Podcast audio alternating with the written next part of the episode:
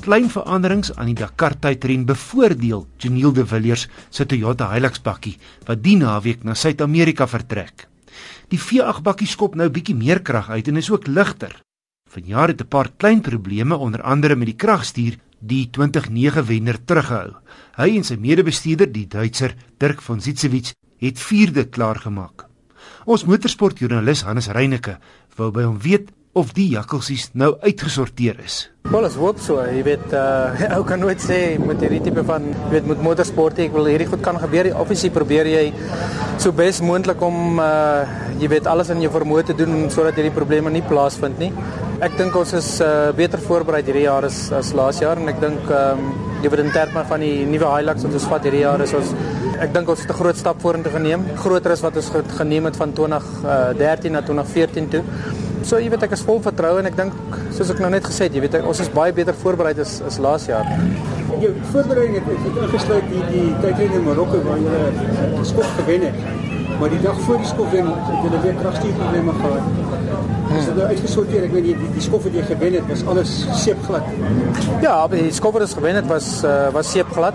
Die wedren uh, self was baie goed vir ons voorbereiding. Jy weet nie net vir die vir die Hilux nie maar vir ons vir vir myself vir Dirk jy weet dit help net om jou bietjie op te skerp want as jy uh, jy weet so lank klas gery het en jy uh, jy weet moet weer op daai vlak deelneem jy weet dit vat 'n rukkie om gewoon te raak aan die aan die spoed aan die navigasie en alles Ek glo die probleem wat ons daar gehad het met die kragstuur is uitgesorteer, maar dis presies kom ons toe gaan. Jy weet, en een die redes hoekom ons toe gaan.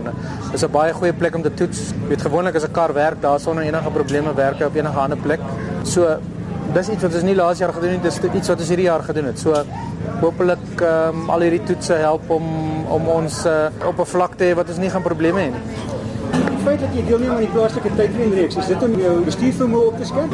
Ja, uiteindelik, jy weet is uh jy weet hoe meer jy agter die agter die wiel sit, hoe beter is dit vir jouself. Jy weet dit is soos enige sport, jy weet hoe meer tyd jy spandeer aan jou hoe beter is dit vir jou en uh dit is abs absoluut om my skerp te hou. Die feit dat ons nie deelneem aan soveel internasionale renne as wat ek in die verlede gedoen het nie, jy weet, is dit 'n ideale plek om om om jou skerp te hou. Janiel De Villiers het met kollega Hannes Reyneke gepraat. In die moordende tydren oor 9000 km begin op die 4de Januarie. Hyundai se Grand i10 klink dalk soos 'n variant van die gewone i10 buksie, maar is inderwaarheid 'n nuwe luikerig wat my laat wonder hoekom hy nie eenvoudig die i15 genoem word nie, want hy pas grootte gewys netjies in tussen die i10 en i20. Die Grand i10 se voorkoms is binne en buite meer gesofistikeerd as die van sy kleinboet wat ook al 'n hele paar jaar op die mark is. My toetskar, die Lexer vloot model teen net oor die 150 000 rand is 18 cm langer as die gewone i10 en breër met die asafstand 4.5 cm langer as die i10 se. Dit beteken bietjie meer arm en skouer en beenspasie.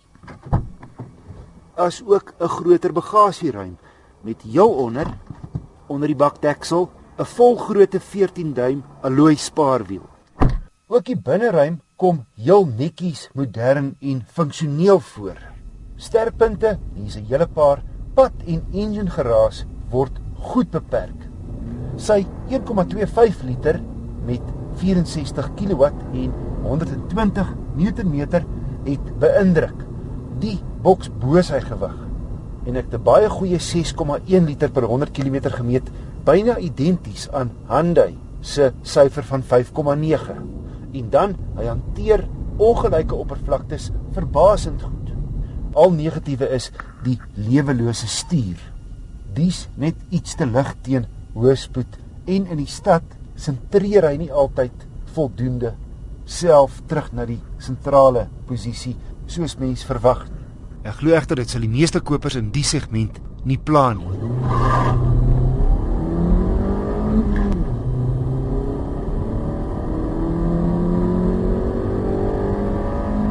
Die 16 klepper trek eerlikwaar so sterk soos 'n 1.4, so skaar se 0 na 100 lopie in 11,7 sekondes aandui.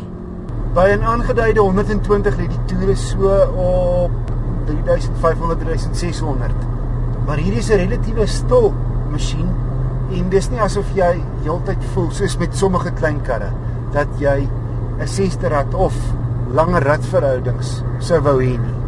Die Grand E10 is dinamies nie op dieselfde vlak as die Figo nie, maar hy's rondom meer modern as die Ford, asook die Etios en Polo Vivo.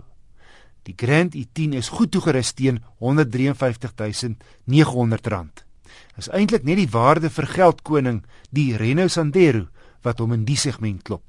As jy 'n paar jaar gelede met die Gets beïndruk was, kan jy gerus sy opvolger toets bestuur. Hy's nogal heel grand in verskeie opsigte.